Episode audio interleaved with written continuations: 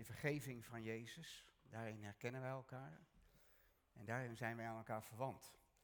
En ook degene thuis die meekijken via de stream. ehm, wees gezegend door God door de woorden die wij met elkaar zullen delen. En dat het eh, u goed zal doen en je verder zal brengen in eh, je zoeken naar God en je leven met Hem. Ik ben gevraagd om eh, wat woorden met jullie te delen en ik wil graag een bijdrage op deze wijze leveren aan het samen gemeente zijn. En ehm, op mijn hart is al geruime tijd geleden gekomen om woorden met elkaar te delen uit de tweede brief van Petrus. En ik heb, je kunt het hier lezen, ehm, een titel bedacht van kostbare geschenken naar deelname aan zijn goddelijke natuur. En laten we eerst de woorden lezen die Petrus ons heeft eh, toevertrouwd. En ik lees uit eh 2 Petrus 1, de eerste 15 versen. Van Simeon Petrus, dienaar en apostel van Jezus Christus. Aan allen die dankzij de rechtvaardigheid van onze God en redder Jezus Christus hetzelfde kostbare geloof hebben ontvangen als wij. Genade zij u en vrede in overvloed door de kennis van God en van Jezus, onze Heer.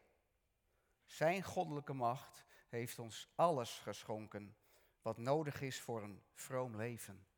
Door de kennis van Hem die ons geroepen heeft door Zijn majesteit en Zijn wonderbaarlijke kracht. Hiermee zijn ons kostbare, rijke beloften gedaan, opdat u zou ontkomen aan het verderf dat in de wereld heerst, als gevolg van de begeerte, en opdat u zou deelnemen aan de goddelijke natuur. Span daarom al uw krachten in om uw geloof te verrijken met deugdzaamheid, uw deugdzaamheid met kennis, uw kennis met zelfbeheersing, uw zelfbeheersing met volharding, uw volharding met vroomheid, uw vroomheid met liefde en uw liefde voor uw broeders en zusters. En uw liefde voor uw broeders en zusters met liefde voor allen. Als u deze eigenschappen in overvloed bezit, is uw kennis van onze Heer Jezus Christus niet nutteloos, maar vruchtbaar. Wie ze niet bezit is kortzichtig, ja, blind, en vergeet dat hij van zijn vroegere zonde gereinigd is. Span u daarom des te meer in, broeders en zusters, om uw roeping en uitverkiezing waar te maken. Als u dit alles doet, komt u nooit ten val en zal u onbelemmerd toegang worden verleend tot het eeuwige koninkrijk van onze Heer en Redder Jezus Christus. En daarom zal ik u hieraan blijven herinneren. Hoewel u dit alles wel weet en gegrondvest bent in de waarheid die u hebt leren kennen, maar het lijkt me goed u wakker te houden door telkens opnieuw onder uw aandacht te brengen, zolang als ik in deze aardse tent verblijf. Ik weet dat mijn tent binnenkort zal worden afgebroken. Dat heeft onze Heer Jezus Christus mij te kennen gegeven. En ik doe er mijn uiterste best voor dat u zich dit alles, ook na mijn heen gaan, steeds weer voor de geest zult kunnen halen. Wat een rijke brief. Als je 2 Petrus leest, ik heb natuurlijk meermalen doorgelezen, maar we beperken ons alleen tot dit eerste deel van dit eerste hoofdstuk. Dan word je overweldigd door het perspectief dat Petrus biedt voor ons als christenen. Voor jou persoonlijk, maar ook voor ons als gemeente. En we kunnen ons maar focussen nu op, op één ding. En dat is dat wij mogen deel krijgen aan de goddelijke natuur. Het is bijna te groot om te geloven dat wij zullen deel krijgen aan Gods natuur. Maar dat is het werk dat God wil doen. Sinds de zondeval wil God ons herstellen naar zijn beeld. En mogen wij meer en meer gaan lijken op Hem. Want God, we weten dat allemaal, heeft ons toevertrouwd de woorden in Genesis 1. Laat ons mensen maken naar ons beeld. Als onze gelijkenis. Er wordt in meer, meervoud gesproken. Vader, Zoon en Heilige Geest. En laten zij ook één zijn. Jezus spreekt dat gebed uit in Johannes 17, het hoogpriestelijk gebed geheten. Vader, dat zij één zijn, zoals wij één zijn. Opdat de wereld mag geloven dat u mij gezonden hebt. Dat is perspectief. Dat aan ons, aan jou, aan mij, aan u en aan ons als gemeente te zien is dat we God hebben leren kennen en dat we in zijn, vanuit zijn vergeving leven.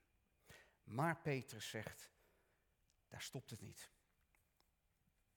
We moeten misschien even kort ingaan op de achtergrond. 2 Petrus is geschreven in de volle breedte. Het is een van de zeven katholieke brieven, algemene brieven.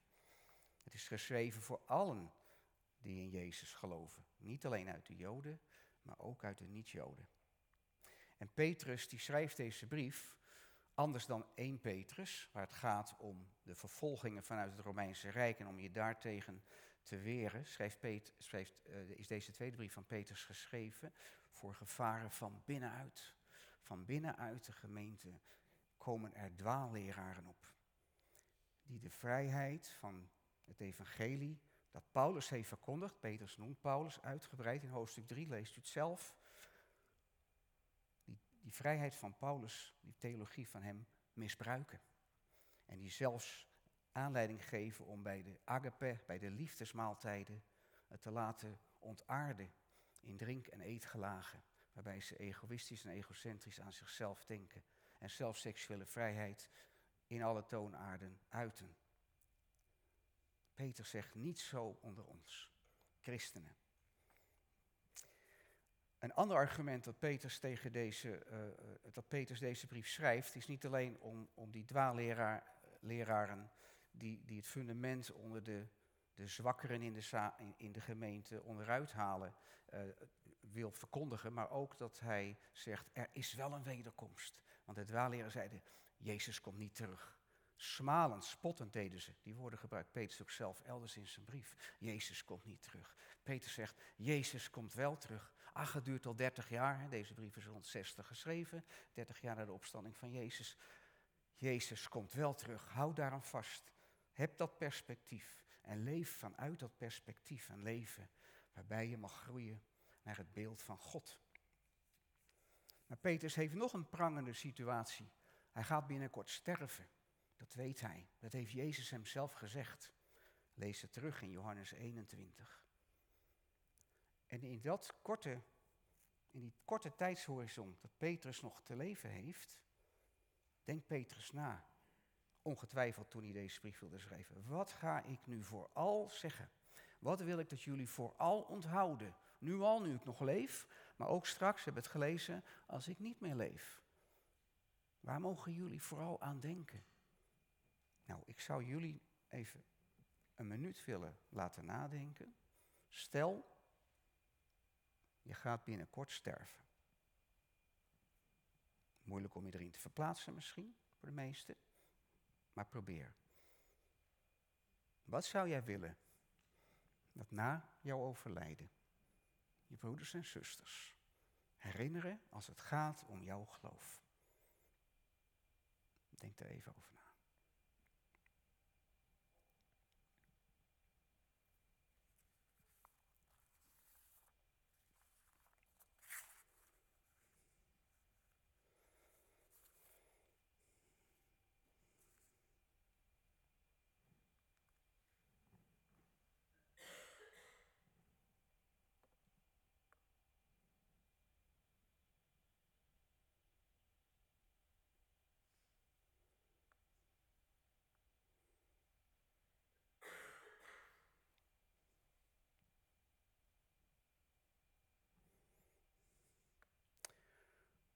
Oké, er is misschien hopelijk primair wat bij je naar boven gekomen. Het zou mooi zijn om dat ook met elkaar te delen. Gaan we nu even niet doen, maar tip, misschien ga daar een keer met elkaar over praten. Wat is er zo essentieel aan jou, aan mij, aan ons geloof? Nou, Petrus, die heeft er dus hele duidelijke woorden over geschreven. Hij zegt, ons is alles geschonken voor een vroom leven. Petrus die. Ik hoef natuurlijk niet steeds achterom te kijken, maar ik doe dat automatisch omdat die letters groter zijn dan daar. God heeft alles geschonken wat nodig is voor een vroom leven. Span daarom al je krachten in om je geloof te verrijken. Geloven is een dynamisch proces, niet statisch. Je geloof mag verrijkt worden. Als je naar je eigen leven terugkijkt, is je geloof dan verrijkt? Is er in enig opzicht een groei geweest in je leven met God, in je zoeken naar Hem? Of is het nog precies hetzelfde als het 30 jaar geleden was? En misschien zeg je, ja, maar er is toch niks mis mee? Ik heb de woorden ooit gehoord en geloofd en daar hou ik aan vast. Zeker, hou vast aan wat God ons leert. En toch zegt Petrus, wij mogen groeien in geloof, uitziende op de wederkomst dat Jezus terugkomt en wij mogen al toegroeien. En de heerlijkheid van God mag in onze levens, individueel en als gemeente, steeds meer en meer al zichtbaar worden. Zodat wij bij zijn komst, zegt Paulus, onberispelijk blijken te zijn. Span je in, staat er dan achteraan. Maar niet nadat je beseft dat alles je is geschonken. Geschonken voor een godvruchtig leven. Wij zijn toegeruste mensen. Geloof je dat? Dat alles in ons gezamenlijk door God is gegeven? Om zijn heerlijkheid te weerspiegelen als gemeente? Dat is een groot geloof wat je mag, wat je mag hebben. Maar het is wel wat Gods woord zegt, dat Petrus ons heeft toegetrouwd. Petrus is niet zomaar iemand, hè? Paulus is de filosoof. Petrus is degene die drie jaar lang met Jezus is opgetrokken. En binnen die groep van twaalf discipelen een hele specifieke plek heeft gehad. Hij is een van de drie, met Jacobus en Johannes, die met Jezus de berg op mochten, de berg Tabor. Waar hij Jezus stralend wit zag en een stem uit de hemel heeft horen klinken van God zelf. Deze is mijn zoon, de geliefde. In hem heb ik mijn welbehagen. Hoort naar hem. Terwijl Mozes en Elia. Ja, het was Mozes Johannes, het was niet Abraham. Mozes en Elia ook zichtbaar werden. Dat heeft Petrus meegemaakt. En Petrus heeft veel meer in een hele kleine kring met Jezus meegemaakt. Hij spreekt uit ervaring. Hij weet wie Jezus is. Met vallen en opstaan heeft hij dicht bij Jezus geleefd. En hij zegt, verrijk je geloof.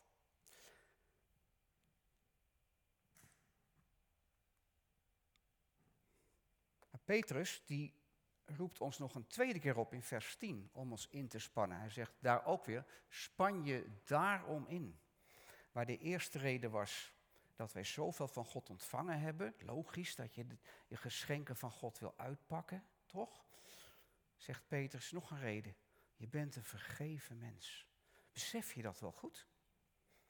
Er zijn er onder ons die dat vergeten zijn, zegt Petrus, en komen tot een levensstijl die geheel niet is die God van ons verlangt. Die ook niet lijkt op het beeld van God. Vergeet niet dat je vergeven bent. En vanuit die grote dankbaarheid dat je vergeven bent, volledig. En ook niet meer de gunst van God hoeft te verdienen. Want wij denken heel gauw bij inspanning, oh we moeten het voor elkaar krijgen. Nee, dat bedoelt Petrus niet. Het is een enthousiasme van binnenuit om je te geven aan elkaar. En ga daarmee je roeping en je uitverkiezing bevestigen. Dat is een moeilijke woord. Je roeping en je uitverkiezing bevestigen. Ik kom er zo misschien nog even op terug. Maar het betekent dat je daarmee vastmaakt. In het Grieks staat vastmaken, bevestigt. Dat je een kind van God bent, dat je vergeven bent. Dat is zichtbaar in je geloof, dat is zichtbaar in de weg die je gaat in je leven. Je bevestigt daarmee voor jezelf en voor anderen dat je bij Jezus hoort. Span je dan in als je dat weet. En dan komt Petrus tot de essentie van dat groeiproces dat in ons leven voltrokken mag worden. Dan zegt hij, ik merk dat ik de, de tekst moeilijk kan lezen en daarom kijk ik af en toe om, omdat ik het dan hier beter kan lezen. En dit is een Griekse redeneerwijze. Ik denk dat Petrus het Grieks hier gebruikt om aansluiting te vinden bij de Hellenistisch-Griekse omgeving waarin hij leeft, zodat ze hem begrijpen. En in zo'n redenering, waar we nu niet de tijd voor hebben en ook ingewikkeld is om te kijken of elke schakel wel zo logisch uit elkaar volgt, stapelt de start op via schakels naar een eindpunt. Het was voor de Griekse filosofen belangrijk. Waar start iemand en waar komt iemand uit? En in de Griekse wereld kwamen de filosofen die starten bij geloof en die kwamen uit bij vergoddelijking van de mens. Petrus zegt nee, we starten bij geloof en we groeien naar liefde voor allen. Agape staat hier in de Griekse grondtekst. De opofferingsliefde die onvoorwaardelijk is, die inclusief is, die niemand uitsluit. En die niet zelfgericht is, die onbaatzuchtig is. Liefde als liefde. Liefde voor allen, ook voor niet-christenen. Daar gaat het naartoe. Via deugzaamheid, via een deugzaam leven, recht staan voor God. Via kennis, dat is relationele kennis. Kennis in je omgang met God, met de levende opgestane Jezus. Geloven we dat, dat Jezus leeft? Ik vind het soms heel groot te bedenken dat Jezus leeft. Hij is hier. Hij is op heel veel plekken. Ik snap dat niet helemaal, maar dat mogen we geloven. Toch? Jezus is opgestaan uit de dood. En via zelfbeheersing, volharding, dat betekent ten diepste het eronder houden vanuit het Grieks, onder de heerschappij van God houden, bij Hem brengen. Volharden is niet altijd makkelijk. Ik wil het toch even noemen. De meesten van jullie weten het wel. Nettie en ik zijn vier jaar geleden onze oudste zoon hebben moeten laten gaan. Nou, dat is een aanvechting. Kan je je misschien wel een beetje voorstellen. Aanvechting om toch te blijven staan in geloof. Hoe doe je dat? Ja, er komen heel veel vragen. Er komen twijfels, komen moeite, komt verdriet, er komt pijn, komt gemis, komt van alles bij. God zegt, volhard. Ik kom terug. Er komt een wereld zonder pijn, zonder verdriet, zonder rouw.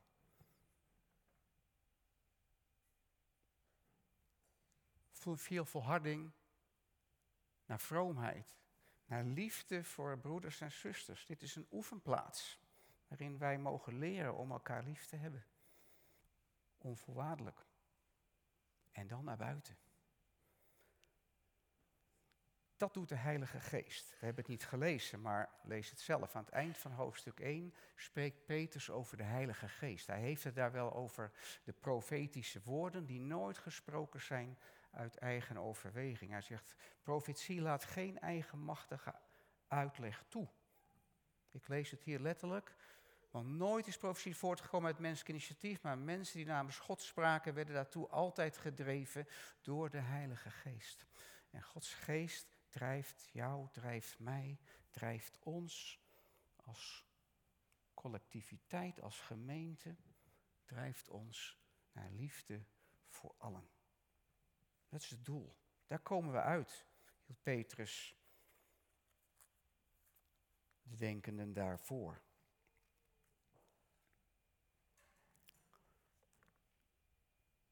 Vond het, kwam me op het beeld van ketting. Misschien is je net opgevallen, maar Petrus zegt, door geloof worden steeds volgende kwaliteiten zeg maar, van God in ons geplant. En hij herhaalt steeds de voorgaande schakel. Het grijpt in elkaar. Dat doet een ketting ook. Elke schakel brengt, is vastgemaakt aan de andere. Toch dit een beetje Grieks denken. Het Hebreeuwse denken, wat Petrus eigen was, als Jood, is eigenlijk meer niet een lineair denken, maar circulair denken. En ik vind dit, en ik denk dat het niet geforceerd is, heel mooi passen bij wat Petrus zegt. Dat wij onze roeping en onze uitverkiezing mogen bevestigen. Als wij dan via volharding, via zelfbeheersing, via Gods vrucht, via deugd, via kennis met Hem en via de liefde die wij oefenen met elkaar in de gemeente, mogen komen, steeds meer groeien naar die agape-liefde die wij met elkaar mogen delen en die de wereld ook mag zien als het kenmerk van vergeven mensen. Dan koppelt dat weer vast aan je geloof. Herken je dat? Dat als je iets doet voor een ander, onbaatzuchtig, dat dat je geloof ook weer versterkt. Dat God je als het ware ook daarmee weer wat geeft. Waardoor je verder kan.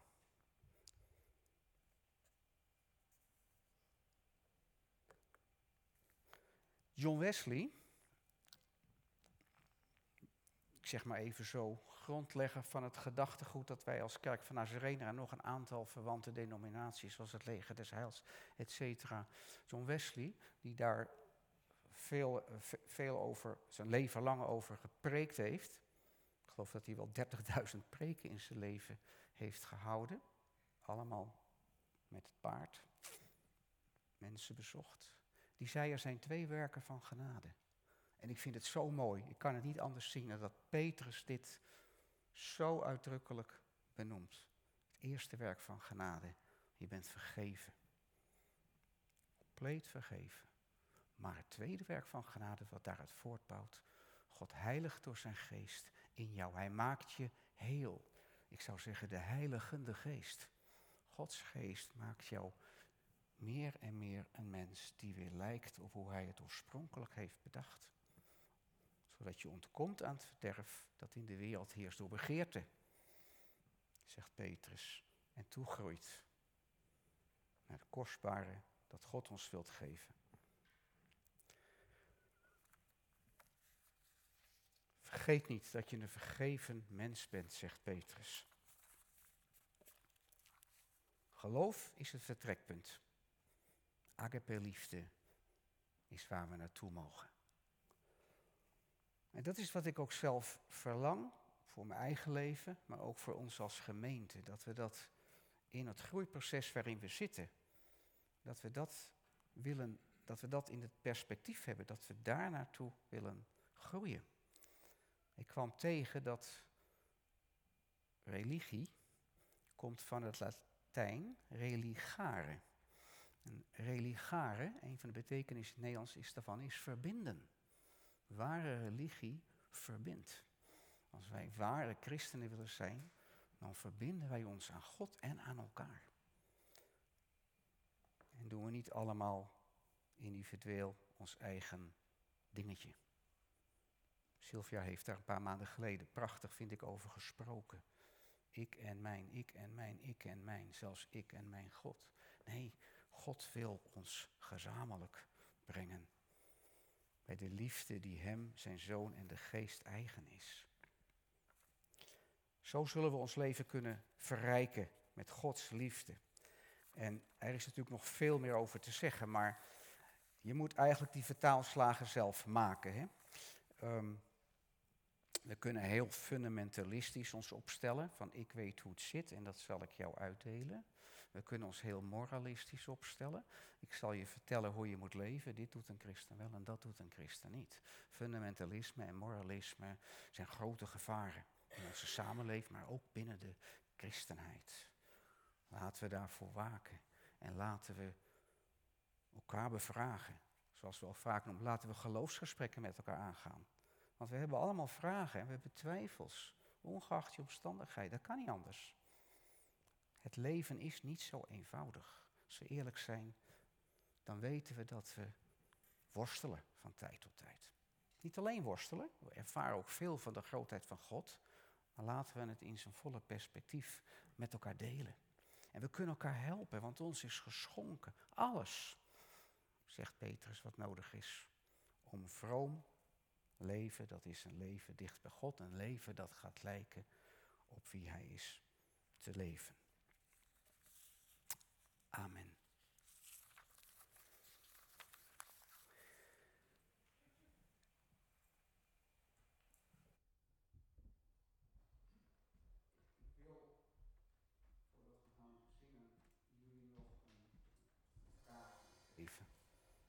was ook iemand die mij dat vroeg. Wil je de gemeente een vraag meegeven? Is goed als we elkaar af en toe een vraag meegeven.